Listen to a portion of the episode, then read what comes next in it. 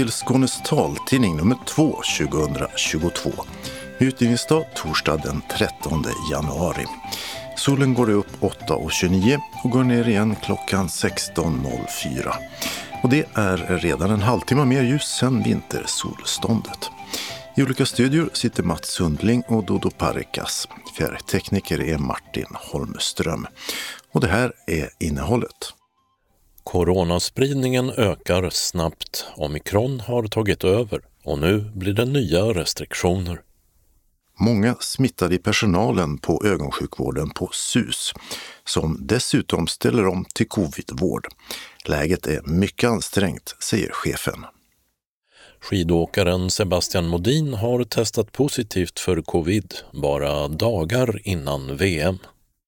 Bättre siffror än någonsin om hur nöjda kunderna är med färdtjänsten i Lund efter bytet i höstas.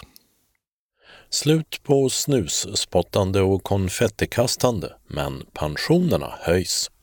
Vi går igenom några nya lagar. Uthyrare av elsparkcyklar är inte välkomna i Ystad. Punktskriftsläsare ska kunna personrösta hemligt redan i höstens val. Andra som inte ser får stå över till nästa gång. Inga-Lill Enbom kallades optimistkonsult och skrev en rad uppmärksammade självhjälpsböcker. Men vad händer när den som gjort optimismen till sitt yrke blir äldre och synen sviker? Öppnat och stängt med blommor, bio och en pärla. Evenemangstips med syntolkad film och vinerfrossa. Och en kalender med vinterparasport och en antropomorf nalle. Anslagstavlan är idag gemensam för hela Skåne med bara lokala meddelanden samt några ändringar i kollektivtrafiken. Och allra sist redaktionsrutan. Men vi börjar med coronaläget som försämrats rejält och såg ut så här i tisdags när vi gick in i studion. Antalet skåningar som har smittats av covid fortsätter att stiga snabbt. Den senaste veckan har i snitt 2587 personer om dagen smittats. Det är mer än sex gånger så många som veckan innan jul. Och mer än 700 fler om dagen jämfört med för bara en vecka sedan. Fler än någonsin testar sig nu också, vilket gör att tester varit svåra att komma över. Och testerna visar att den nya omikronvarianten av viruset nu fått stort genomslag också i Sverige. I Skåne utgjorde den 75 procent av den senaste veckans positiva prover. Och omikron har ju visat sig kunna runda både dubbel och trippelvaccinering, även om vaccineringen fortsätter att vara ett skydd mot allvarlig sjukdom. Tre av fyra som testat positivt är nu mellan 20 och 59 år, men smittan ökar i alla grupper. Antalet inlagda på skånska sjukhus med covid har också gått upp rejält till i tisdags 248. Det är en tredubbling jämfört med innan jul. Flest inlagda var för ett år sedan och då var 600 personer inlagda. Gruppen ovaccinerade är nu rejält överrepresenterade och många av dem är relativt unga och annars friska. Sverige följer nu alltså i spåren på resten av Europa där smittotalen är än högre. Och från den här veckan införs i Sverige en rad nya coronarestriktioner som ska gälla de närmsta fyra veckorna. Bland annat ska krogar och restauranger stänga klockan 23. Det meddelade statsminister Magdalena Andersson vid en pressträff i måndags. Regeringen utfärdar också ett allmänt råd om att vuxna personer ska begränsa sina sociala kontakter och avstå från större middagar och liknande.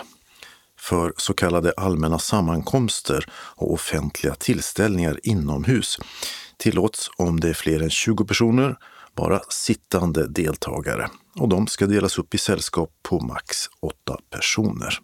Och det ska vara minst en meter mellan sällskapen. Detsamma gäller för krogar och kaféer. För arrangemang med fler än 50 deltagare, som till exempel mässor, krävs dessutom vaccinationsbevis samt en yta på minst 10 kvadratmeter per person på mässorna. Då. För vuxenutbildningar och lärosäten rekommenderas delvis distansundervisning, alltså inte på heltid, för att glesa ut i undervisningslokalerna. Men till exempel examinationer samt övrig vuxenutbildning bör, som det heter, fortsatt genomföras med riskreducerande åtgärder på plats. För idrotten förlängs avrådan från kupper och läger inomhus till den 31 januari. Medan träning och tävling i ordinarie seriespel fortfarande är okej okay med riskreducerande åtgärder. Tidigare allmänna råd blir kvar om att undvika trängsel, hålla avstånd, arbeta hemifrån, resa kollektivt med munskydd och utanför rusningstrafik och liknande, som att stanna hemma när man är sjuk. Den kraftigt ökade samhällsspridningen gör nu att det är extremt viktigt att följa alla rekommendationer, sa Smittskydd Skånes Eva Melander i tisdags. Att provta sig vid symptom rekommenderas ju också. Senare den här veckan kommer en ny typ av test till Skåne som ska göra det enklare. Det som andra kan bokas via 1177 och sen hämtas på i början fyra uthämtningsställen i Malmö, Lund och Helsingborg. Och de är öppet alla dagar i veckan på dagtid. Men testet kräver smartphone eller liknande, för man ska själv registrera det genom att skanna en QR-kod och legitimera sig med hjälp av BankID. Och efter testet är gjort lämnar man in det på samma ställe igen. Och som tidigare går det förstås att testa sig på speciella provtagningsplatser och genom att låta ett bud hämta och lämna test på apotek. Ja, coronaläget har snabbt försämrats med allt fler smittade och inlagda på sjukhus. För ögonsjukvården på Skånes universitetssjukhus betyder det att man än en gång drar ner kraftigt på verksamheten. För många i personalen är nu själva smittade samtidigt som andra måste gå över till covidvården. Och dessutom har många erfarna ögonsjuksköterskor sagt upp sig på grund av arbetsbelastningen. Nu går vi nästan på knäna, säger Sten Källström som är chef för bland annat ögonsjukvården på SUS i Lund och Malmö. Ja, om vi går på knäna, det, det är nästan så att det, det, är väldigt ansträngt läget nu. Eh, för nu är det flera faktorer som spelar roll här. Det är, omikronvarianten har definitivt tagit eh, fäste i, i Skåne. Det ökar nu, jag tror det var över 2000 nya fall idag. Och det i kombination med att våra medarbetare är ju också människor och blir också smittade. Så vi har väldigt många av våra medarbetare som är smittade just nu. Många som vabbar och många som är smittade. Eh, så just nu är verksamheten väldigt påverkad. Detta plus att vi också nu i, i takt med att, eh, smittläget är som det är så måste vi öppna upp nya vårdplatser på sjukhuset och då igen så går ögonsjukvården in och hjälper till med bemanningen på övriga sjukhuset.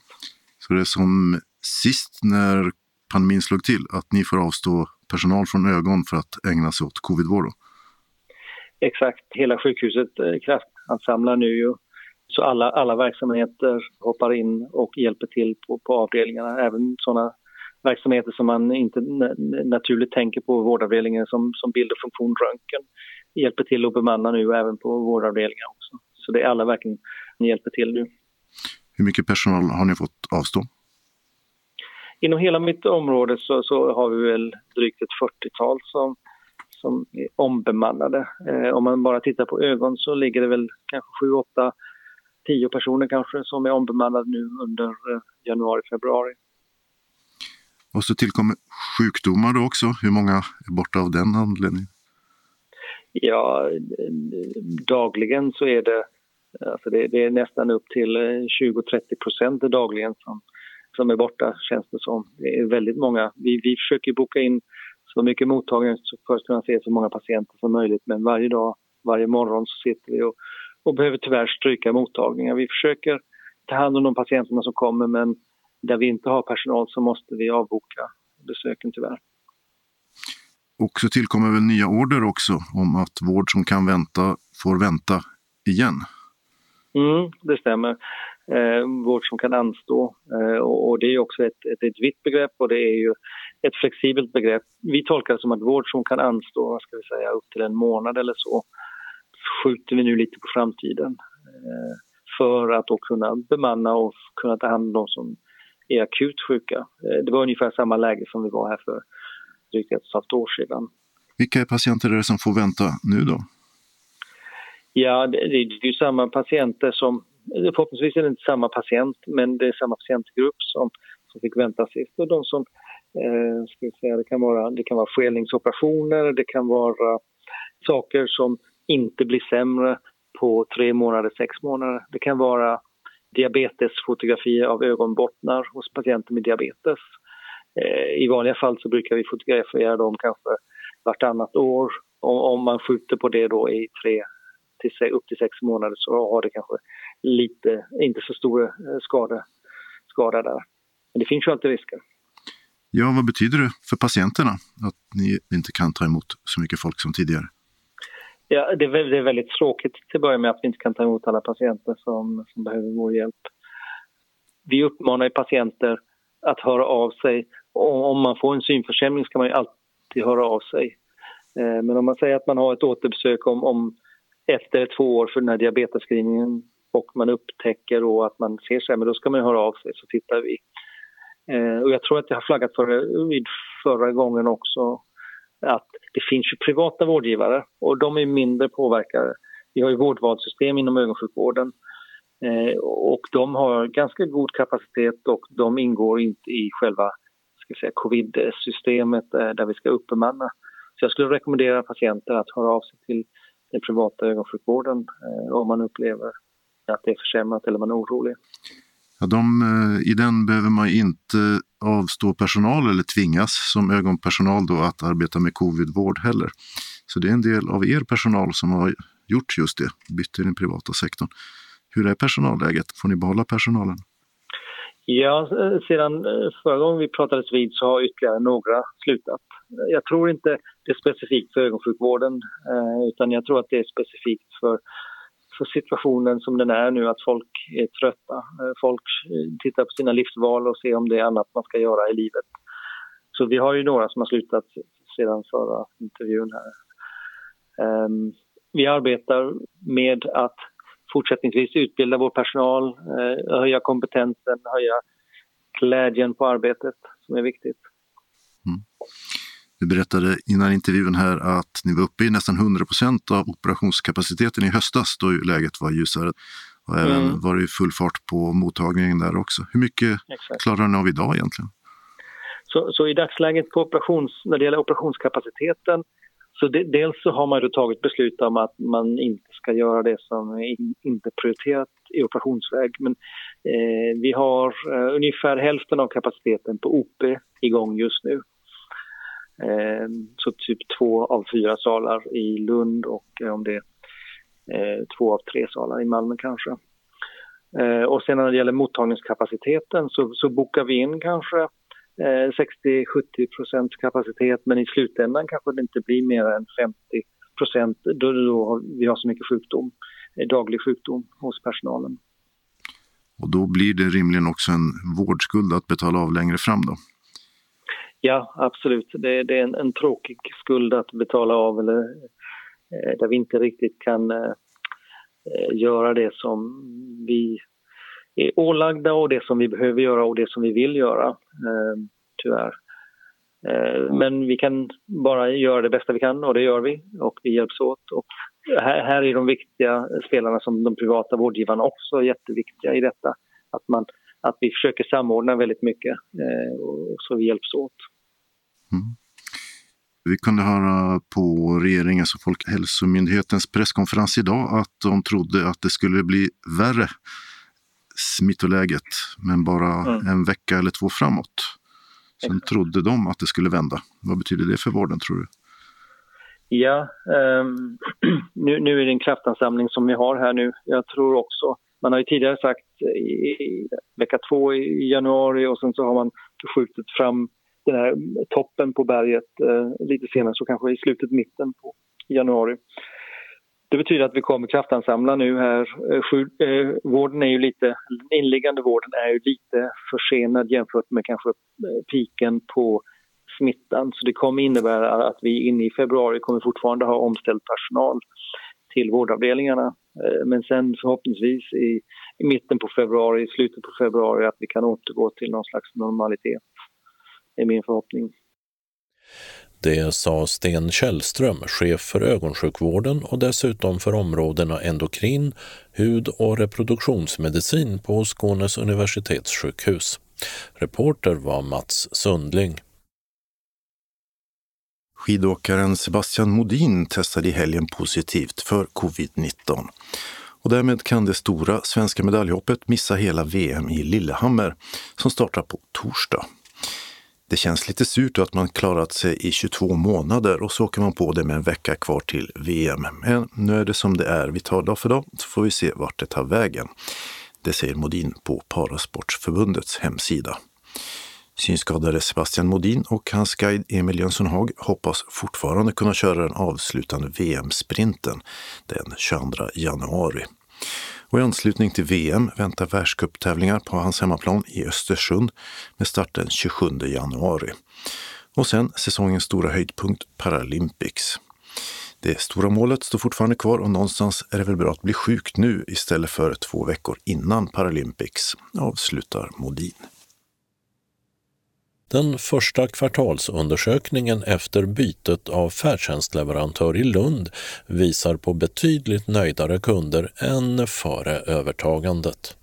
Det var den 1 oktober förra året som Telepass tog över färdtjänsten i Lund och DRT Solution beställningscentralen efter en direktupphandling. Innan dess var det mycket klagomål på bilar som inte kom eller helt uteblev i vissa fall. Så det var med spänd förväntan färdtjänstchefen Per Tranström i Lund tog emot siffrorna om kundnöjdheten detta första kvartal med ny utförare.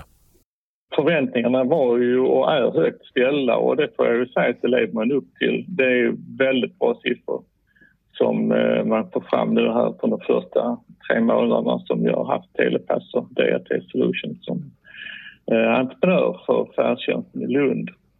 Det blir eh, så bra så att vi kommer att betala ut en rätt så rejäl bonus för det här kvartalet. Det ingår ju i avtalet också.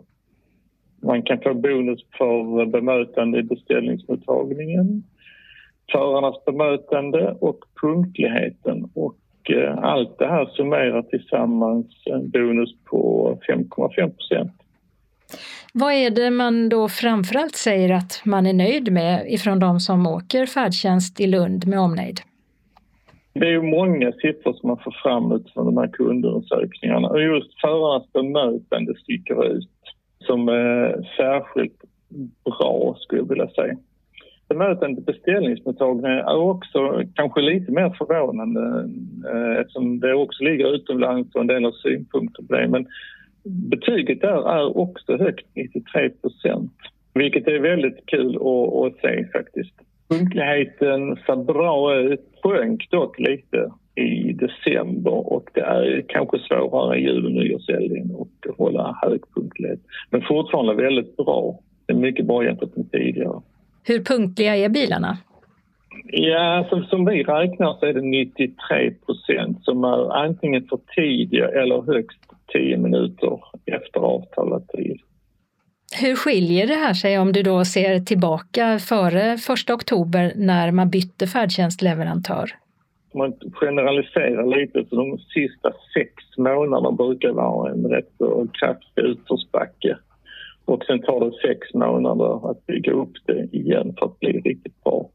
Nu har det bara gått tre månader och vi är på en högre nivå än vad vi någonsin var tidigare, vilket jag tycker är väldigt glädjande. Och kundundersökningarna, eller Ambaro-undersökningen som den också kallas, som görs av företaget Ipsos för att se hur färdtjänstresenärerna upplevt sin senaste resa, görs genom att fyra personer varje dag, året om, rings upp och får ett antal frågor om färdtjänstresan dagen före som handlar om bemötande från beställningscentral och förare, punktlighet med mera. Och många kunder hör också av sig och berättar vad de tycker om förändringen. Och saker som de tycker kan bli bättre finns förstås också fortfarande. Per Tranström igen. Vi hör eh, väldigt många positiva kommentarer. Sen eh, det går ju inte att undgå att ibland blir det eh, fel med 10 000 resor i månaden så är det klart att någon kommer i kläm. Någon blir inte rätt eller det är missförstånd vid bokningen. Eller, ja, det händer ju alltid någonting. Det är människor inblandade och eh, det kan aldrig flyta helt perfekt. Men överlag, man måste titta på helheten. Då ser det väldigt bra ut. Nu är det här de första tre månaderna. Hur håller man då ett sånt här bra resultat uppe? För att eh, man kan ju tänka sig att, att man verkligen eh, slår till alla knutarna man tar över för att det ska bli bra. Vi kommer att jobba för att det ska bli än bättre. Men det är klart att man är, eh, det är inte utan att man tänker att eh, går det att upprätthålla det här, går det att göra det än bättre? Och eh, vad är det som kan bli bättre egentligen? Eh, en del av problematiken ligger ju inbyggt i regelverket till exempel. Eh, för att eh, hålla nere kostnaderna så måste man skjuta på eh, tiderna när folk blir hämtade. Eh, man kan inte alltid få den tiden som man önskar. Men det är ju en konsekvens av det regelverk som finns och för att vi ska kunna samåka och hålla nere kostnaderna. Och då blir det också i större utsträckning samåkning än tidigare kanske. Och det inverkar såklart negativt på, på kundnöjdheten. Så det finns saker som eh, har med förväntningar att göra. Eh, och det måste man väl kommunicera tydligt tror jag. Vad gäller egentligen? Vad kan trafikföretaget påverka? Vad förväntas de leverera? Och allt det där är ju detaljer som hela tiden är bättre. Och tittar vi på förarnas bemötande som är fantastiskt högt egentligen så eh, får man ju också tänka på att nästan alla de här förarna är ju nyanställda i en organisation som har precis formats för att betjäna Lunds färdtjänst. Och detta är en tid då det är stor brist på förare. Det måste finnas en kraftig eh, attraktion att jobba för Telepass. Annars hade man ju aldrig lyckats med detta. Det är speciellt kul tycker jag. På beställningscentralen så eh, det är ju en språkkomponent i det hela men det handlar också väldigt mycket om eh, konstiga gatunamn som man ska lära sig känna igen och eh, ställen som folk ofta åker till och vallan boenden och dagverksamheter heter. Det är mycket som trots allt tar lite tid att eh, få kläm på när man sitter i beställningsmottagningen. Det är inte bara en språkfråga utan det, det, det är mycket annat som spelar in. Men eh, om man då ser till de procent som inte är nöjda, även om de är få, vad är det de inte tycker fungerar? Jag tror det hänger samman med att de inte får åka precis när de vill. Jag tror det hänger samman med att man får samåka. Och inte bara att man får samåka, men man kommer inte fram i tid. Trots att bilen hämtar en när de ska så är man inte fram i tid. Och det tror jag att man kanske inte räknar med att man får samåka och att det kan ta lite längre tid att åka en omväg. Man är nog inte lika van vid som tidigare. Det finns hela tiden mer att göra. Men eh, det är en väldigt bra utgångspunkt att jobba vidare utifrån. Och hur känns det för dig att se de här siffrorna? Ja, alltså det, är, det är otroligt glädjande. Nu eh, hade jag som sagt för höga förväntningar. Jag vet att Telepass och det, att det är bra företag. Eh, och jag tror på den här eh, formen att bedriva färdtjänst. Att man jobbar fokuserat och enbart med samhällsbetalda resor. Jag tror det betalar sig. Och det visar sig. Vi eh, stod ju inför valet eh, om vi skulle lämna över till Skånetrafiken och eh, det är alltid eh, liksom, i jämförelse, hade det blivit bättre? Nej, som siffrorna ser ut nu så är vi klart bättre än både Skånetrafiken och Malmö. Så det, det är också lite glädjande, även om vi ska inte jämföra och det går inte lätt att jämföra rakt över men, men eh, trots allt får man snegla lite på de siffrorna. Och hur har det gått då? För det har ju legat eh, ärenden hos förvaltningsrätten där man har överklagat de här besluten kring färdtjänsten. Vad har hänt där? Ingenting. Alltså det är väl det som är, eh, om det finns något orosmoln på himlen så är det väl att eh, det fortfarande inte är klart med ett långsiktigt avtal. Det sa Per Tranström, färdtjänstchef i Lund. Och när det gäller hur nöjda färdtjänstresenärerna är med till exempel förarens bemötande har siffrorna i kundundersökningen stigit från 89 procent tredje kvartalet förra året till 95 procent det fjärde kvartalet. Reporter var Åsa Kjellman Erisi. Nytt år betyder nya lagar och här är några av förändringarna som gäller från nyår. I sjukförsäkringen har inkomsttaket höjts från 8 till 10 gånger prisbasbeloppet, det vill säga 483 000 kronor. Och det gör att det går att få mer sjukpenning och rehabiliteringspenning, närståendepenning, smittbärarpenning samt ersättning från Försäkringskassan vid tvist om sjuklön. Det ska vara slut med att spotta snus och fimpa på marken. Nedskräpning ska nämligen medföra straff även om gärningen är, som det heter, ringa. Så att kasta ett kolapapper eller liknande kan nu ge böter på 800 kronor. Engångsplast förbjuds också, till exempel av bestick, sugrör, ballongpinnar, tops, tallrikar samt muggar och matlådor av cellplast och frigolit. Och från den 30 april blir det dessutom olagligt att kasta konfetti utomhus. Det blir skärpta straff för våld och kränkningar i nära relationer. Minimistraffet för grov fridskränkning och grov kvinnofridskränkning höjs från fängelse i nio månader till ett år. Straffet för överträdelse av kontaktförbud skärps och mindre allvarliga överträdelser av kontaktförbud är inte längre fria från straff. Ändringarna innebär också att förtal och grovt förtal kan ingå i grov fridskränkning, grov kvinnofridskränkning och olaga förföljelse. Ett utvidgat kontaktförbud kan nu kombineras med elektronisk övervakning som första åtgärd. Straffrabatt för unga slopas också. För personer mellan 18 och 20 år slopas de om brottet har ett minimistraff på fängelse i ett år eller mer. Till exempel vid rån, grov misshandel och våldtäkt.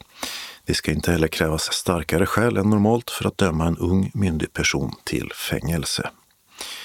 Bygget av nya hus ska också ha en deklaration av hur det påverkar klimatet. Och deklarationen ska byggherren lämna in till Boverket. Och till sist så ska de flesta pensionärer få mer i plånboken i år. Ett större grundavdrag ska ge lägre skatt. Möjligheten att få ett högre bostadstillägg blir större när taket för bostadskostnaden höjs från 7 000 till 7 500 kronor. Och tilläggsbeloppet för konsumtion ska höjas till 740 kronor. Hur mycket mer i plånboken det till sist blir för var och en varierar. Men enligt Pensionsmyndigheten blir det mellan 360 och 840 kronor mer i månaden. Facit kommer i det årliga pensionsbeslutet som skickas ut den här veckan. Företag som hyr ut elsparkcyklar är inte välkomna i Ystad. En enig samhällsbyggnadsnämnd bestämde sig före jul för att inte skriva något avtal som tillåter verksamheten. Inför att ärendet skulle upp i nämnden hade bland annat Tillgänglighetsrådet, Pensionärsrådet och Ungdomsfullmäktige tillfrågats och alla var negativa till att företag som hyr ut elsparkcyklar etablerar sig i staden. Vi ser ordningsproblem i de städer där det finns. Cyklar läggs och slängs så att de blir ett hinder för andra. Det säger nämndens ordförande Per-Olof Lind, Liberalerna, till Ystad Allehanda. Han tillägger dock att rättsläget är oklart och att företag ändå kan börja hyra ut elsparkcyklar utan att tillfråga kommunen. Det företag som var aktuellt den här gången och som hade frågat om de fick etablera sig i Ystad har sagt att de kommer att följa kommunens beslut.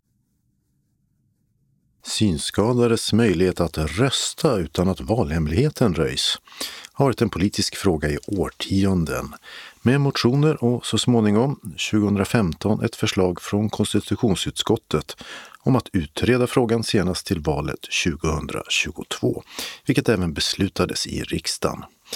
Vid höstens val blir det möjligt för punktskriftsanvändare att skriva dit sitt namn på kandidater vid personval på valsedlar.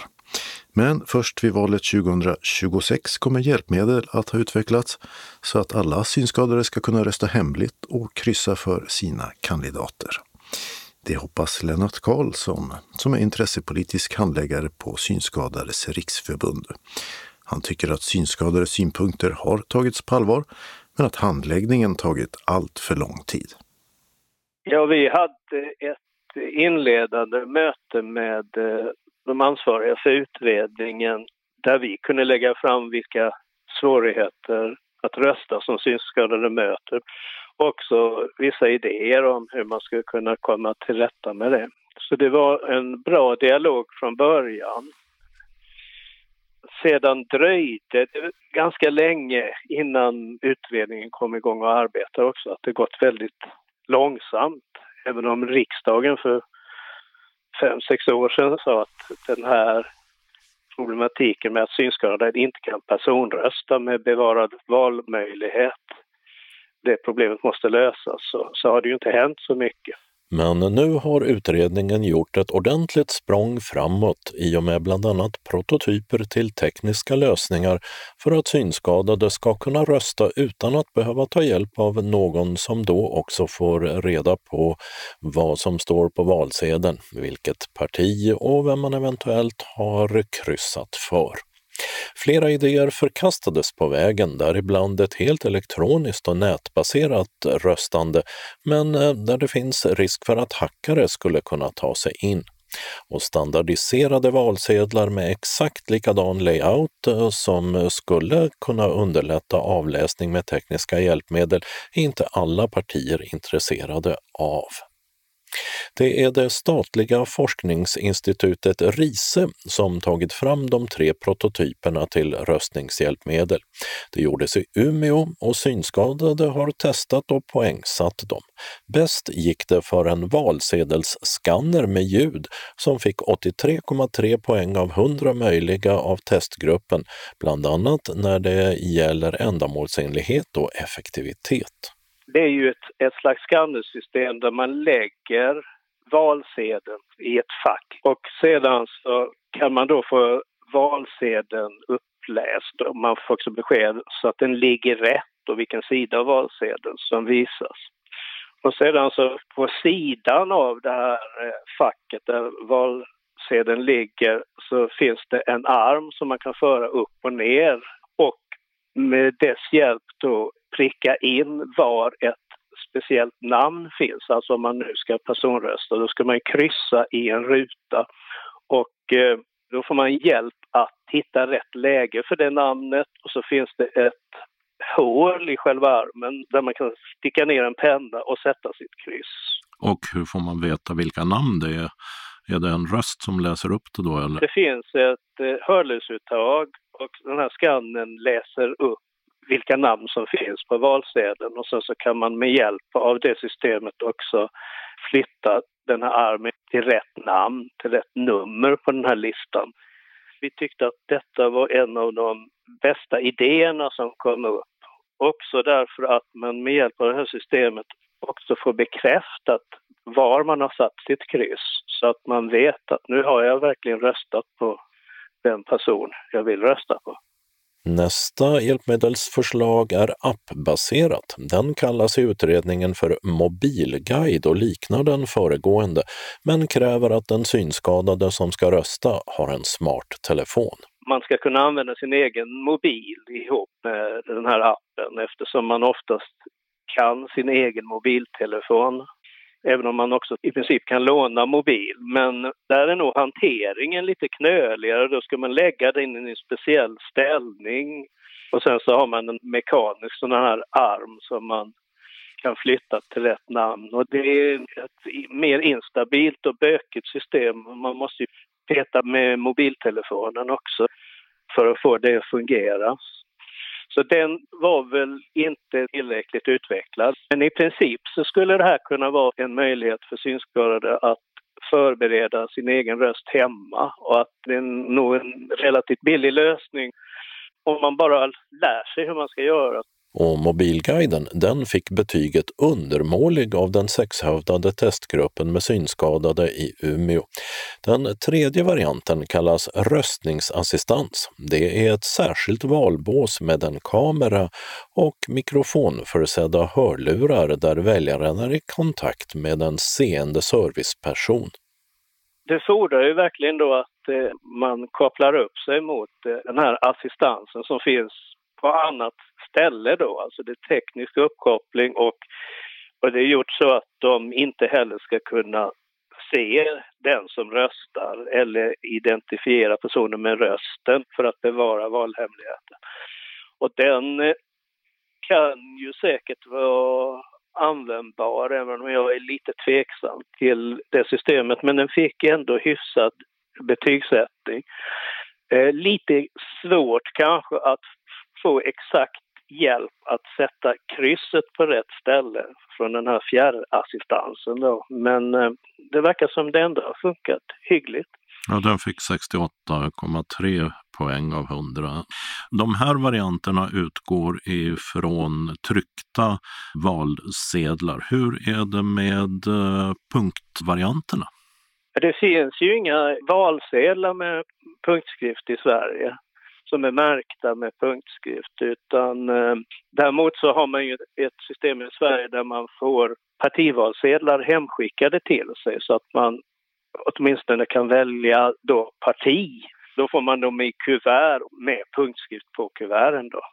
Men här finns ändå en tanke till en fortsättning på det att man ska få lägga till punktskrift på en sån valsedel, alltså personrösta på det sättet om jag har fattat det rätt.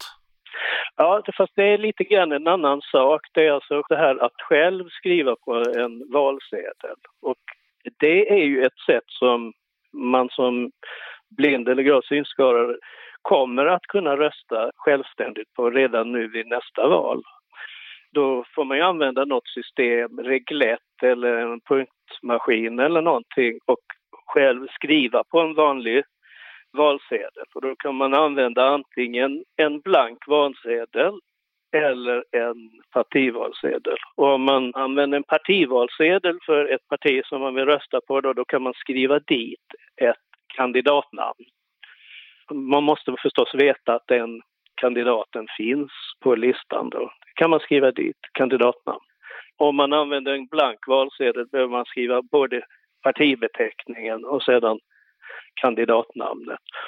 Och sedan har man då sagt att om man lämnar en sån valsedel i en röstlokal då ska den inte räknas i röstlokalen utan om röstmottagarna ser att aha, här finns ett val gjort med hjälp av punktskrift då ska de skicka in den valsedeln så att den räknas på länsstyrelsen i det länet där man bor.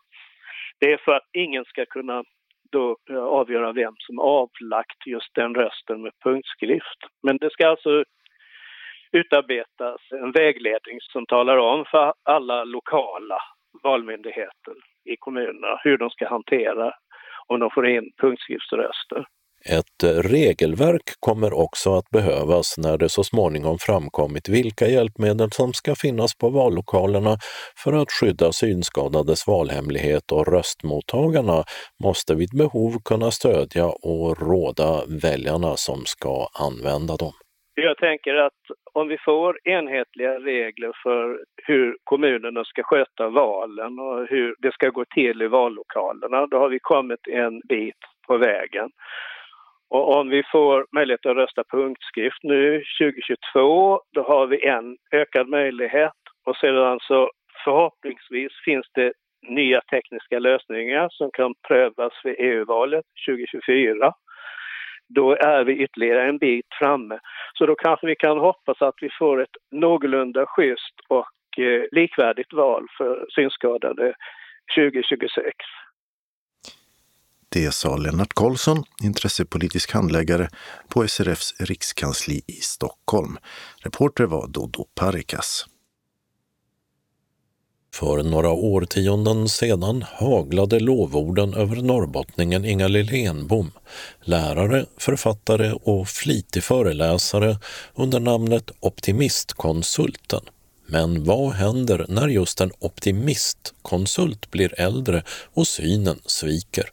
Det ska vi strax höra. Fast först backar vi till 1990-talets början när Inga Enbom av ett förlag uppmanades att skriva en bok utifrån det hon föreläste om och som byggde på Montessori-pedagogikens motto Hjälp mig att hjälpa mig själv. Ja, jag vet inte, men den slog ju ner som en bomb. 40 000 ex sålde vi på en gång. Och sen fick de göra en ny, för den tog slut i alla bokhandlar. Just den här Våga leva tvärtom, den har väl aldrig passat så bra som nu när vi alla måste leva tvärtom med corona och, och allt det här. Och sen våga vara frisk. Så att just idag ringde jag till Forum bokförlag, men jag fick ju inte tag i någon, men de skulle återkomma. Och höra om de är intresserade av att köra lite nytryck på de här två böckerna. För de skulle verkligen behövas nu. Och de andra böckerna heter? Våga visa arbetsglädje. Det tyckte en del var en konstig titel, men så här kan jag säga att jag har ju rest runt i hela Sverige och hela Europa och har kurser för människor i arbetslivet. Och nu har jag förstått, så här är det i Sveriges arbetsliv, det är väldigt sorgligt. Du får inte vara för duktig, du får inte göra dig märkvärdig, då har vi Jante, vi tror att Jante är borta, herregud, han frodas på varenda axel överallt. Men det intressanta med de här klagomålen kommer inte från cheferna, utan när folk är så här ambitiösa och satsar lite extra, då tänker en del kollegor, måste jag också bli så där? Det ids de inte.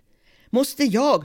Och jag pratade, när jag hade någon lärarkurs här så var det en som berättade för mig, vet du, sa hon när jag gick till min rektor och sa att åh, jag har så mycket jag skulle vilja göra och så här, men jag behöver ju lite mera resurser. Vad får hon till svar? Var inte så ambitiös. Och då blir jag mörkrädd. Ligger det här som en blöt filt över Sveriges arbetsliv? Var inte så ambitiös. Ta det lugnt. Det är ju hemskt. Du har en synnedsättning, kan du berätta? Ja, oh ja det, det har jag ju verkligen. Och Eh, jag började snubbla på trottoarer. Det här är ju en 10-12 år sedan. Ja, det var tre läkare som höll på att undersöka och fotografera ögonen och sådär. Men sen hade jag sån otur så den läkare som jag fick prata med, han säger så här. Ja, Ingalill, du är väldigt svårt sjuk. Ingen i hela Sverige kan hjälpa dig. Och du kommer att förlora din syn. För det första var det en lögn. För det fanns de som kunde hjälpa mig. Och då, ja, man tror ju vad läkaren säger. Så jag gick ju hem och trodde detta och såg sämre och sämre och sämre. Det var väl starren då som växte på kan jag tro. Och eh, till slut såg jag inte maten på tallriken eller någonting. Men nu har jag ju väldigt mycket civilkurage kan jag säga.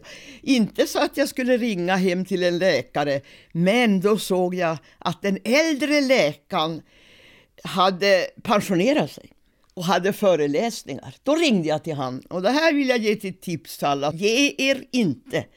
Då ringde jag upp den här pensionerade läkaren och så sa jag nu måste du väl veta experter på näthinnor. För du vet, jag hade minus 21 i närsynthet. Det är mycket. Och nu vet jag att när man blir närsynt, näthinnan, den blir tunnare och tunnare. Och därför sa de att vi kan inte gå in, då ramlar ögonen ihop så vi kan inte göra någonting. Men då sa jag till den här lä eh, läkaren, nu måste du väl veta experter på näthinnor. Då fick jag tre mejladresser. Men de skulle jag väl haft dag ett. Då tog jag ju kontakt med Akademiska i Uppsala, fick på en gång svar, du är välkommen på en gång på undersökning. Och då så åkte vi ju dit då. Och när han hade undersökt mig så säger han så här, ja, jag föreslår operation. Då blev jag ju livrädd. För här hade de ju sagt att då skulle jag mista hela synen alltså. Och då säger jag till han, den här läkaren, men vad är det för risk med det? Ja, sa han, alla operationer har risker. Den här har ingen större risk än någon annan. Det trodde jag ju inte. Så då sa jag att han, kan jag få bli sövd? Då skrattade han och sa, det hinner jag inte, det här tar bara en kvart. Och du kommer inte att känna någonting. Det trodde jag ju inte heller naturligtvis. Jag kände ingenting. På en kvart satte jag mig upp. Plötsligt såg jag tavlor och människor och möbler och allt. Det var helt, det var helt fantastiskt. Det ändrade ju hela mitt liv naturligtvis. När var det här? Det måste vara 10-12 år sedan därför att ett av mina barnbarn som är 12 år nu, han låg i magen då och jag minns att jag sa, jag kommer aldrig att få se honom någon gång. Nu är han 12 år. Så det är ju... Men alltså jag tycker att det här, vi har ju alldeles för lite civilkurage i det här landet. Det är ju därför alla mina böcker heter Våga. Så att folk vågar inte ifrågasätta eller, eller fråga eller Ja, men jag vet inte, jag pratade med någon enhetschef här i Luleå när jag, jag det var någon lä läkare som jag sa Absolut, till den där läkaren går jag aldrig mera. Jag vill byta läkare. Och då säger han så här Tänk om alla skulle börja säga så. Hörru du, sa, du behöver inte vara rädd. Det är inte många gamla människor som skulle våga ifrågasätta och be att få byta läkare. Jag tror du kan vara lugn, det är nog ingen som gör det. För vi gör ju inte det. Man, man måste vara väldigt bestämd, men man måste vara vänlig. Börjar man att kritisera, börjar man att skälla, då är det kört. Och alla som blir bemötta väldigt illa jag har nu någon vän som är så arg, hon tycker hon är så illa bemött på sjukvården och så. Men jag vill faktiskt påstå att det handlar nog om dig också. Som man ropar i skogen får man svar. Men många förstår inte det, utan de tror att nu ska jag säga ifrån och nu ska jag tala om. Vi har ingenting att vinna på det, ingenting. Du kan vara väldigt bestämd, för det är ju jag, jag är väldigt bestämd. Men man får ju inte bli arg eller kritisera eller skälla på folk. Nästan alla mina föreläsningar och kurser har ju hamnat om kommunikation. Ibland på mina kurser så kommer folk, särskilt när vi skriver om våra liv, då säger jag hade inget val. Fel! Vi har alltid val. Två val har vi alltid. Nu finns det ju en del val som kanske får konsekvenser som jag inte vill ha. Men om jag tar konsekvenserna, då hade jag kunnat välja det där också faktiskt. Och så blev jag synskadad. Och då tog jag ett sammanträde med mig själv som jag gör väldigt ofta. Jaha, Inga-Lill, det var ju intressant. Vad har du för val nu då? Jag har ju egentligen två val. Antingen kan jag nu koncentrera mig på allt som jag inte kan. Jag kan inte köra bil, jag kan inte läsa böcker, jag kan inte, jag kan inte. Det kan jag ju välja. Men jag kan också välja att bara koncentrera mig på allt jag kan. Det är ju en mardröm att vara författare och synskadad. Förut när jag fick idéer och tankar och så här, så gick jag och skrev ner, så blev det föreläsningar, så blev det böcker. Nu, jag ser inte tangenterna på datorn, jag kan inte skriva någonting på datorn.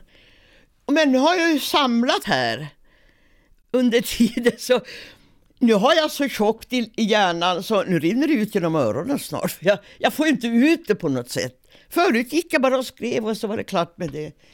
Jag ger mig ju inte naturligtvis. Jag är ju vädur dessutom. Så jag, nu när jag fick så mycket sämre syn så gick jag till en privatläkare Ja, jag, jag hoppades ju att han skulle... Han, jag har hört så mycket beröm om honom, att han är så duktig och så här. Så gick jag till honom, så undersökte han mig och sen när vi skulle prata så säger han det han ju absolut inte fick säga. Han börjar så här, tyvärr Inga-Lill, så går det inte att göra något mer inne i dina ögon. För nu har jag ju så tunna näthinnor och sådär. Men, sa han, du har så mycket att ge fortfarande. Du ska inte kasta in handduken, utan du behöver hjälpmedel. Det är det du behöver. Så han sa, du, du måste nu prata med syncentralen att du måste få hjälpmedel. Då kan du fortsätta med dina föreläsningar och med dina eh, böcker. Och... Så det är väl den kamp jag håller på med nu, att hitta. För jag ser ju inte siffrorna på telefonen. Jag kan inte slå, jag kan ju inte ringa någonstans och säga du får nu sju val. Om du trycker fyra, jag vet fan inte vad fyran är, jag ser ju inte siffrorna. Så då lägger jag bara på, det är ingen idé alltså. Men i den här iPhonen så behöver jag ha ett tryck, jag slår på det. Sen kan jag bara säga ring vart de nu ska ringa någonstans. Så, så här håller jag på hela dagarna. Hittar, och det är väl det som är det bästa med mig, att jag hela tiden söker nya lösningar. Jag lägger mig aldrig under filter och gråter trots allt hemskt som hände mig både här och cancer har jag haft två gånger och struma. Och, men jag, ibland när jag pratar med mina vänner om alla mina nu bekymmer så då säger de så här, men hur klarar du det? Om det där vore jag, jag skulle lägga mig under filter och bara gråta, gråta. Ja, blir det bättre då? Nej, det blir värre. Det blir värre. Men var kom den här optimisten ifrån, Inga-Lill? Mamma var en fantastisk människa, även om hon och jag hade fruktansvärda konflikter när jag var tonåring. Men hon var ju redan död när jag kom på, men mamma, nu skulle jag vilja prata med dig. Alltså, och jag kan säga en artikel som jag håller på att skriva nu, som är så här att vi människor är felkonstruerade. Vi vet inte hur det är att vara sjuk förrän vi har blivit sjuka själv. Vi vet inte hur det är att vara blind om vi inte har, har blivit blind. Vi vet inte hur det är att vara gammal förrän vi har blivit gammal. Nu skulle jag kunna prata med min mamma. Nu vet jag vad min mamma hade behövt när hon blev gammal. Men jag fattade inte det då. Då var man ju så uppfylld i sitt eget liv. Och jag märker ju själv nu när jag är 83 år och synskadad hur oerhört viktigt, bara att någon ringer och hör av sig och att de ja, har tänkt på mig och undrar hur jag har det och så. Men jag menar så här är ju hela livet alltså. Wow, tänker man. Och så, nej, det gick inte, det gick inte. Nu har det ju rättat upp sig genom att jag är som jag är. Men alltså det har ju varit mörka dagar så här. Och då har jag tänkt ringa till Ronny och säga, Ronny, han och jag har ju varit på turné för många år sedan, runt i Sverige så här. Och då ska jag ringa till Ronny och säga, Ronny, du brukar säga så här, jag vaknade i morse, så var den dagen förstörd. Precis så är det för mig nu. När jag vaknar och så kommer jag ihåg, fan, då känner jag att ja, då var den dagen borta. Det var inte någon idé att vakna lika gärna. Så, ja, jag vet inte, men... Eh, och det var pessimistkonsulten? Det är pessimistkonsulten Ronny Eriksson i Piteå. Nu vågar man inte ringa till folk om de inte svarar. Vet man inte om de är sjuka eller död. Jag har ju alltid gått och dansat varje måndag förut, före corona. Då sa en av mina, jag älskar ju min färdtjänst alltså, gud vad vi har trevligt och pratar om allting. Och då sa en av chaufförerna till mig då, det här var före corona, Jaha Inga-Lill, och du går och dansar också? Jajamän, sa jag, varje måndag är jag och dansar. Men då sa jag, det är enda chansen att träffa en kar i min ålder. Det är ju tur att dansen finns. Och när han har burit upp alla väskor på min bro så säger han så här, Inga-Lill, om du vill kan du få en kram av mig också. och så gav han mig en riktig bamsekram. Alltså det är ju sånt jag lever på. Det finns sådana människor. Avslutade Inga-Lill Enbom som intervjuades i sitt hem i Gammelstad i Luleå av Eva-Marie Svensson på taltidningen Insyn. Vi ska tillägga att Inga-Lill Enboms synfel beror på mycket svår närsynthet som påverkat näthinnan kombinerat med grå starr och att hon fick nya linser insatta under den operation som nämndes. Och den som vill ta del av det som hon skrivit hittar tre böcker av Enbom inlästa i talboksform. Öppnat och stängt. I Landskrona håller Sofia Albertina kyrka stängt för besök utanför gudstjänsttid fram till den 13 april eftersom alla orgelpipor ska rengöras. I Lund har blombutikskedjan Blommor från oss öppnat på Lilla Fiskaregatan 2. Vi har tidigare nämnt att de sedan 2018 finns på Väla i Helsingborg och på Kullagatan i samma stad. Sedan dess har de också öppnat på adressen Kungstorget, Helsingborg C samt i Klippan på Storgatan 27 och dessutom i Halmstad på Köpmansgatan 23. I Trelleborg har hälsokedjan Lifes butik i köpcentrat Valen flyttat. Den nya adressen blir Korfitzbäck Frisgatan 6 i lokalen där Hårstudion tidigare höll till. I Trelleborg har Queens Sportsbar på Algatan 8 stängt. Boende i närområdet klagade på bullret och kommunen beslutade att ljudnivån inte fick överstiga 35 decibel efter klockan 22. Och då valde ägaren att lägga ner. Restaurang Pärlan i Beddingestrand har stängt. Förra sommaren öppnade den igen efter två decennier. Men nu har Pärlan gått i konkurs. Adressen var Pärlvägen 9. I Malmö har biografen Royal stängt igen av pandemiskäl som senast får man förmoda.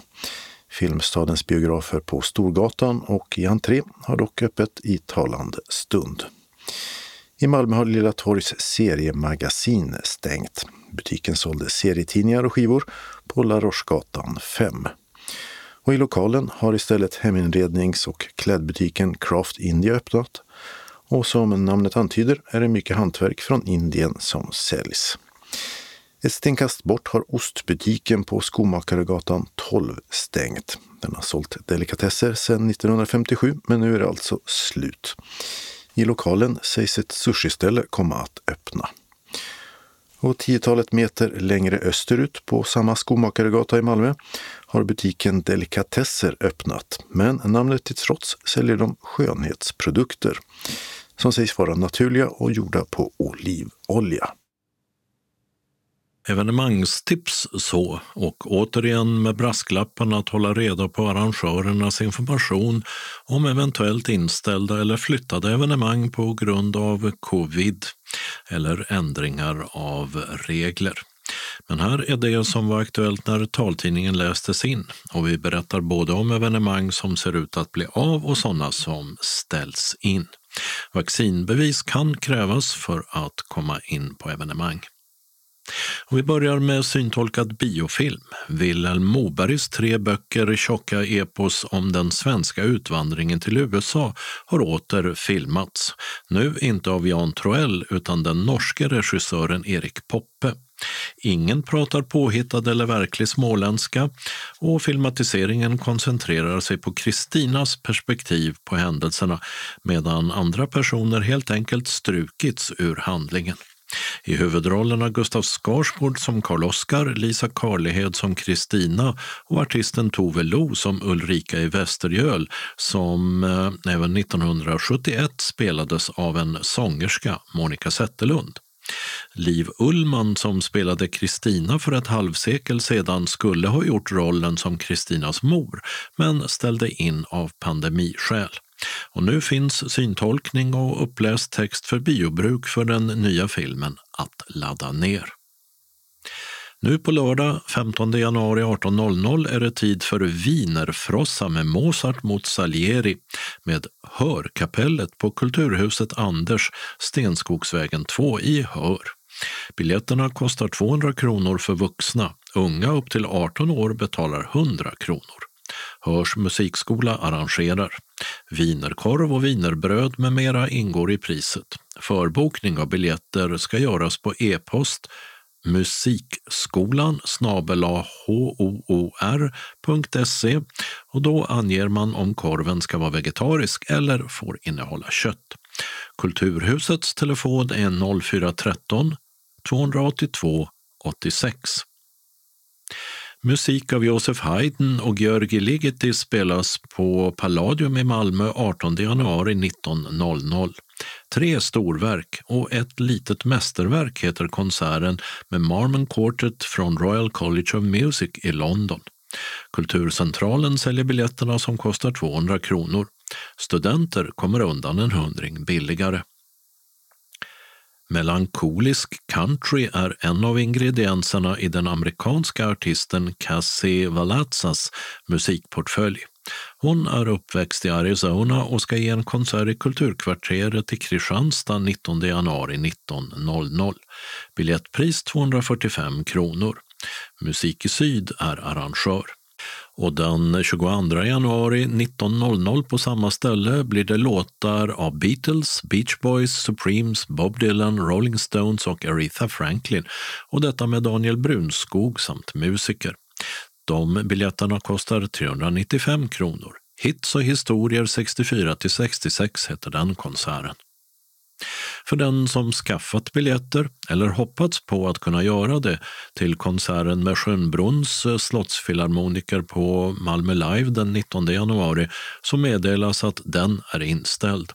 Spelningen med samma musiker på Helsingborgs konserthus den 23 januari anges vara flyttad men utan uppgift om nytt datum. I hörsalen på Ängelholms stadsbibliotek spelar pianisten Maria Lindholm musik av Lili Boulanger, Debussy, Beethoven och Stenhammar 19 januari 19.00 till 20.45. Biljetterna kostar 140 kronor. Kultursällskapet i Ängelholm arrangerar. Och den 9 februari uppträder Trio con Brio Copenhagen och spelar Sandström, Beethoven och Tchaikovsky. Biblioteket i Ängelholm har telefonnummer 0431 46 89 00. Sankt Johannes kyrka intill Triangelstationens norra uppgång i Malmö är platsen för ett framförande av Piotr Tchaikovskis första pianokonsert med Malmö Akademiska Orkester och pianosolisten Julia Isaksson söndag 23 januari 17.00. Biljettpriserna varierar mellan 20 och 200 kronor och publiken väljer själv hur mycket den vill betala. Kulturcentralen säljer. Låtar och händelser ur storstjärnan Judy Garlands repertoar och liv blir det under en blå måndag med konsert och soppa i Blå salongen på Hässleholms kulturhus 24 januari 17.00 till 18.30 med Karin Grönberg, Mårten Lundgren, Alice Hernqvist, Andreas Henningsson samt Kristoffer Rostedt. Maten serveras 17.00 och en halvtimme senare startar showen. Pris 150 kronor. Samma upplägg, pris och tid blir det 14 februari då temat är Fransk kärlek rostar aldrig med just franska chansoner. Piaf, Brel med flera. Uppträder då gör Fia Adler Sandblad, Ola Karlberg och Jonas Franke Blom. Ståuppande på scen, men inte i publiken som måste sitta ner, blir det i Piratensalen på Grand Comedy Club i Lund med komikerna Anton Magnusson och Johanna Wagrell 25 januari 19.00. Eventim säljer biljetterna till uppträdandet på Grand Hotel och de kostar 270 kronor. Oxiebiblioteket strax utanför Malmö får besök av arkeologen och författaren Sven Rosborn 26 januari 17.30 till 18.30. Han ska föreläsa om sökandet efter vikingakungen Harald Blåtands guldskatt i just Oxie. Det är gratis, men förbokning ska göras på telefon 040 660 85 64 eller e-post oxiebiblioteket malmo.se. Adress Lertegelvägen 128. På Österlens museum Storgatan 24 i Simrishamn så tar man itu med pandemin på sitt vis 9 februari 18 till 20. I sällskap med föreningen Österlen berättar går det att dela med sig av och lyssna till berättelser från livet under pandemin. Det är fri entré till berättarkvällen. Kvällsfika finns till självkostnadspris. Frågor om kvällen besvaras på museets telefon 0414 81 96 72. Kontaktperson för Österlen berättar nås på e-post Marianne gmail.com. Den 8 januari skulle den engelska artisten David Bowie fyllt 75 år. Helsingborgs konserthus får besök den 5 maj 1930 av Thomas Di Leva och hans David Bowie-show Changes. Det är den enda konserten i Skåne på Di Levas Bowie-turné. Biljetterna kostar 545 kronor. Biljettinformation Nortic Telefon 0455 61 97 00 Eventim 0771 65 10 00 Helsingborgs konserthus 042 10 42 80 Helsingborg Arena 042 10 31 60 Kulturcentralen 040 10 30 20 Malmö Live 040 34 35 00 Ticketmaster 077 170 70 70 Kulturkvarteret i Kristianstad Ring 0709 20 58 04 eller Galleria Boulevard och Coop där 010 747 22 72. Och så Hässleholms kulturhus 0451 26 66 70. Kalendern för 2022 års tredje vecka börjar måndagen den 17 januari då det är Antons och Tonys namnsdag. Skolorna de har nu varit igång en vecka på det nya året och vi är inne i det som förr ansågs ligga mellan midsommar och allhelgonahelg, medan det numera oftare syftar på tiden mellan jul, nyårs och trettonhelgerna och påsken, nämligen oxveckorna, då inga helgdagar bryter av arbetet. Namnet oxveckor det syftade på bondesamhällets slit. Och påsken den kommer i år först i mitten av april. Det är också dags för idrottsgala och nominerade paraidrottare är cyklisten Anna Bäck till Årets kvinnliga idrottare medan skytten Filip Jönsson finns bland dem som kan röstas fram till Radiosportens Jerringpris av allmänheten och där varje röstningssamtal ger pengar till Radiohjälpens arbete mot psykisk ohälsa. En fråga som uppmärksammats inom idrotten på senare tid en hel del. Galan syntolkas i SVT 24 och SVT Play med start 20.00. På dagen för 105 år sedan upphörde vårt grannlands koloni danska Västindien i Karibien att existera i och med att USA köpte det som idag heter Amerikanska Jungfruöarna. Priset var 25 miljoner dollar, över tre gånger så mycket i svenska kronor. Den kanadensisk-amerikanske skådespelaren Jim Carrey har oftast, men inte enbart, spelat komiska roller och känns igen på sin extrema mimik. Om någon kan kallas gummiansikte så är det Carrey. Och nu fyller han 60 år. Tisdagen den 18 januari är Hildas och Hildurs namnsdag. Under de pågående para-VM-tävlingarna i snösporter som sker i norska Lillehammer är det dags för herrarnas längdskidåkning med synskadade deltagare i spåret. Den allra första boken om den inte så värst smarta nallebjörnen Winnie the Pooh, eller Nalle Puh och hans vänner, utkom 1926. Den engelske författaren Alan Alexander A.A.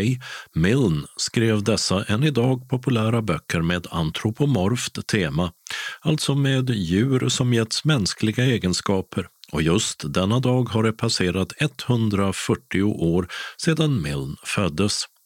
Den som vill fördjupa sig i Nalle Puhs värld har många möjligheter både bland tal och punktskriftsböcker. Och i USA där infaller den svarte medborgarrättskämpen Martin Luther Kings dag som alltid äger rum en måndag mellan 15 och 21 januari och som är en helgdag.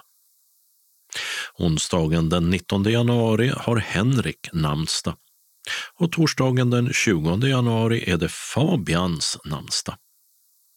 För ett år sedan installerades Demokraternas Joe Biden som USAs president efter att ha besegrat Republikanernas Donald Trump, något som den senare fortfarande inte erkänner och 80 år har passerat sedan Wannsee-konferensen utanför Berlin då Nazityskland slog fast planerna för Förintelsen med den eufemistiska beteckningen den slutgiltiga lösningen på judefrågan. Under snösportpara-VM i Lillehammer så tävlar synskadade i skidskytte och det gäller både damer och herrar. Fredagen den 21 januari infaller namnsdagen för alla som heter Agnes och eller Agneta. I riksdagen där blir det en extrainsatt debatt i kammaren 09.00 om hedersrelaterat våld och förtryck. Den sänds i riksdagens webb-tv. Lördagen den 22 januari firar Vincent och Viktor namnsdag och i Slovenien börjar två dagar av världskuppen i längdskidor. Söndag den 23 januari slutar veckan och det är Frej och Freja som har namnsdag. I Norge avslutas parasport-VM i snösporter medan den norra turkiska delen av Cypern går till val. Anslagstavlan är idag mycket lokal. Det är bara meddelanden från SRF Malmö Svedala och så några ändringar i kollektivtrafiken till sist. SRF Malmö hälsar först välkomna till sin dagverksamhet. Måndag den 17 januari mellan klockan 13 och 15 blir det tidningsläsning och eller frågesport. Tisdag den 18 januari klockan 13 till 15.15 15 blir det bingo. Vi serverar kaffe och smörgås eller kaka för 10 kronor. Och vi vill att alla anmäler sig till kansliet. Telefon 040-25 05 40 om man tänker komma. Senast klockan 10 samma dag. Känner man sig sjuk så stannar man hemma. SRF Malmö Svedala har också en kväll om kris och beredskap. Man vet aldrig när man hamnar i en krissituation. Vad gör det om elen försvinner eller om vattnet slutat rinna i kranen? Vad gör du om du hastigt måste lämna ditt hem? Och om det plötsligt inträffar något oförutsett, hur pass förberedd är du då? Är du nyfiken på att få veta mera? Mikael Haraldsson har gått en civilförsvarskurs i kris och beredskap, så han vet. Och han kommer till föreningen på Wendelsfridsgatan 13 i Malmö torsdag den 20 januari klockan 18. Han kommer att berätta och informera samt visa en del material som kan vara bra att känna till. Föredraget tar cirka två timmar och vi bjuder på en liten fikapaus mitt i. Färdtjänsthem kan du beställa senast till klockan 20.30. Detta är en ack så viktig information. Du kan anmäla dig till kansliet på telefon 040-25 05 40 eller mejla info srfmalmo.se senast måndag den 17 januari. Välkommen hälsar styrelsen. SRF Malmö Svedala har också en inbjudan till hjälpmedelsvisning. Fredag den 28 januari kommer Polar Print att hålla en hjälpmedelsvisning i vår lokal på Wendelsfridsgatan. Nyheter inom både förstorings och punkthjälpmedel kommer att visas samt Daisy-spelar och orienteringshjälpmedel. Det kommer att vara två visningar klockan 13 och 15.30 med max 20 personer per visning om inte restriktionerna hinner ändras på grund av corona. Polarprint bjuder på lite fika. Är du intresserad så anmäl dig till kansliet senast tisdag den 25 januari. Glöm inte att meddela allergier. Välkommen! Och SRF Malmö Svedala presenterar till sist sitt studieprogram för vårterminen 2022. Alla kurser utom sittgympan görs i samarbete med ABF Malmö. Först blir det keramik måndags eftermiddagar 13.45 till 17 i ABFs lokal på Porslinsgatan 3 till 5. Start 7 februari. Du får lära dig att använda leran och dreja. Eller kanske vill du hellre bruka fantasin och trycka eller kavla ut leran till olika föremål. Pris 360 kronor för 12 träffar. Och du betalar själv för den lera du förbrukar. Vävning blir det tisdag förmiddagar klockan 9.30 till 12 i ABFs lokal. Start 8 februari, pris 360 kronor för 12 träffar. Materialkostnader tillkommer. Malmös stadsdelar handlar om onsdag förmiddagar klockan 9.30 till 12 i föreningens lokal på Wendelsfridsgatan 13. Start 9 februari. Jeanette Rosengren håller en kurs om Malmö stadsdelar ur ett historiskt perspektiv. Under kursen tar vi en fika med smörgås eller kaka för 10 kronor. Pris 300 kronor för 10 träffar. Vardagstips onsdag eftermiddagar klockan 13 till 15 i föreningens lokal. Start 9 februari. Kursen bygger på SRF-materialet Vardagstips för personer med synnedsättning och på att man delar tips och erfarenheter från hemmet och sin vardag. En uppskattad kurs för medlemmar som nyligen blivit synskadade. Kursledare är Britt-Marie Linné och Ulla-Britt Rönnhage. Under kursen tar vi en fika med smörgås eller kaka. Sju träffar planeras och kursen är kostnadsfri.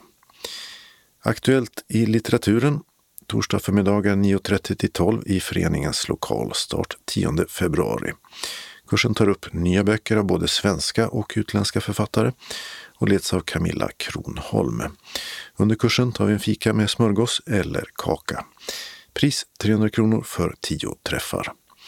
Medieyoga blir det torsdag eftermiddagar 12.45 till 13.45 med start 3 februari.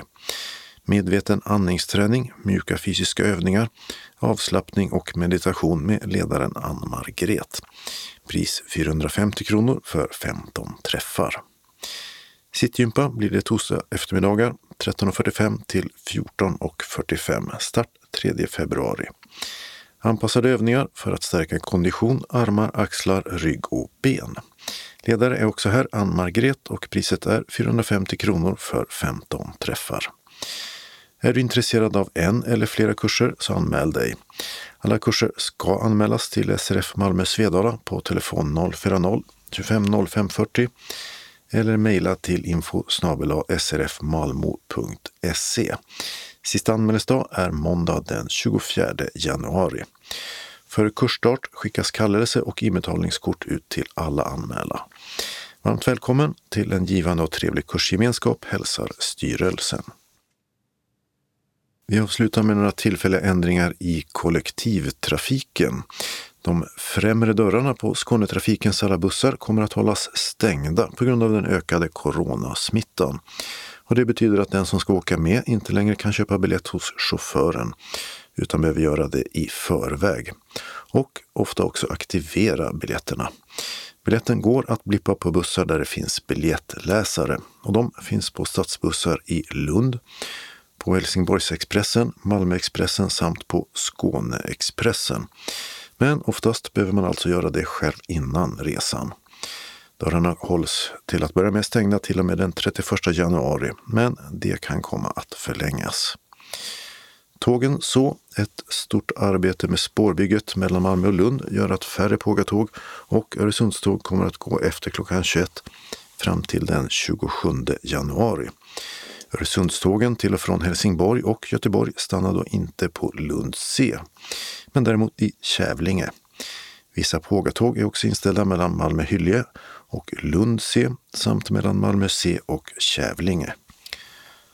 Från söndag 16 januari till torsdag den 20 januari underhåller de spåren mellan Teckomatorp och Eslöv på nätterna. Och det gör att pågatågen inte stannar i Eslöv och Marieholm efter klockan 21.25. Då ersätter bussar. Och så en ändring i busstrafiken i Lund där ett arbete på Margaretavägen från den 12 januari stänger stadsbuss 3s hållplats Sofiaparken läge B mot Nöbbelöv. En tillfällig stolpe finns drygt 50 meter bakåt i bussens färdriktning. Så ska det vara där till den 29 januari klockan 16. I Malmö till sist börjar ett arbete på Limhamnsvägen den 17 januari klockan 9. Och det gör att stadsbuss 7 hållplatser på Limhamnsvägen mellan Nordmannagatan och Köpenhamnsvägen i västlig riktning stänger. Det vill säga hållplatserna Ribersborg, T-bryggan och Potatisåkern, alla läge A. Och de ersätts av den ordinarie hållplatsen Geijersgatan längst till väster och av en tillfällig stolpe 200 meter öster om hållplatsen Ribersborg. Så ska det vara till den 28 januari klockan 15.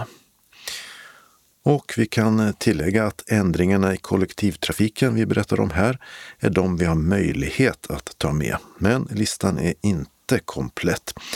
Till exempel kan hållplatsflyttar både börja och sluta innan vi hinner få med dem i nästa tidning. Med andra ord är det alltid bäst att vara beredd på att saker kan ändras också i kollektivtrafiken. Och med de visdomsorden var det dags att sätta punkt för veckans Skånes taltidning.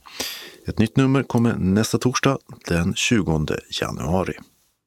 Skånes taltidning ges ut av Region Skånes psykiatri och habiliteringsförvaltning. Ansvarig utgivare är Martin Holmström. Postadress Jörgen Ankersgatan 12, 211 45 Malmö. Telefon 040-673 0970. E-post Skanes taltidning snabela skane.se och hemsida skanestaltidning.se. Vi hörs igen. Hej då!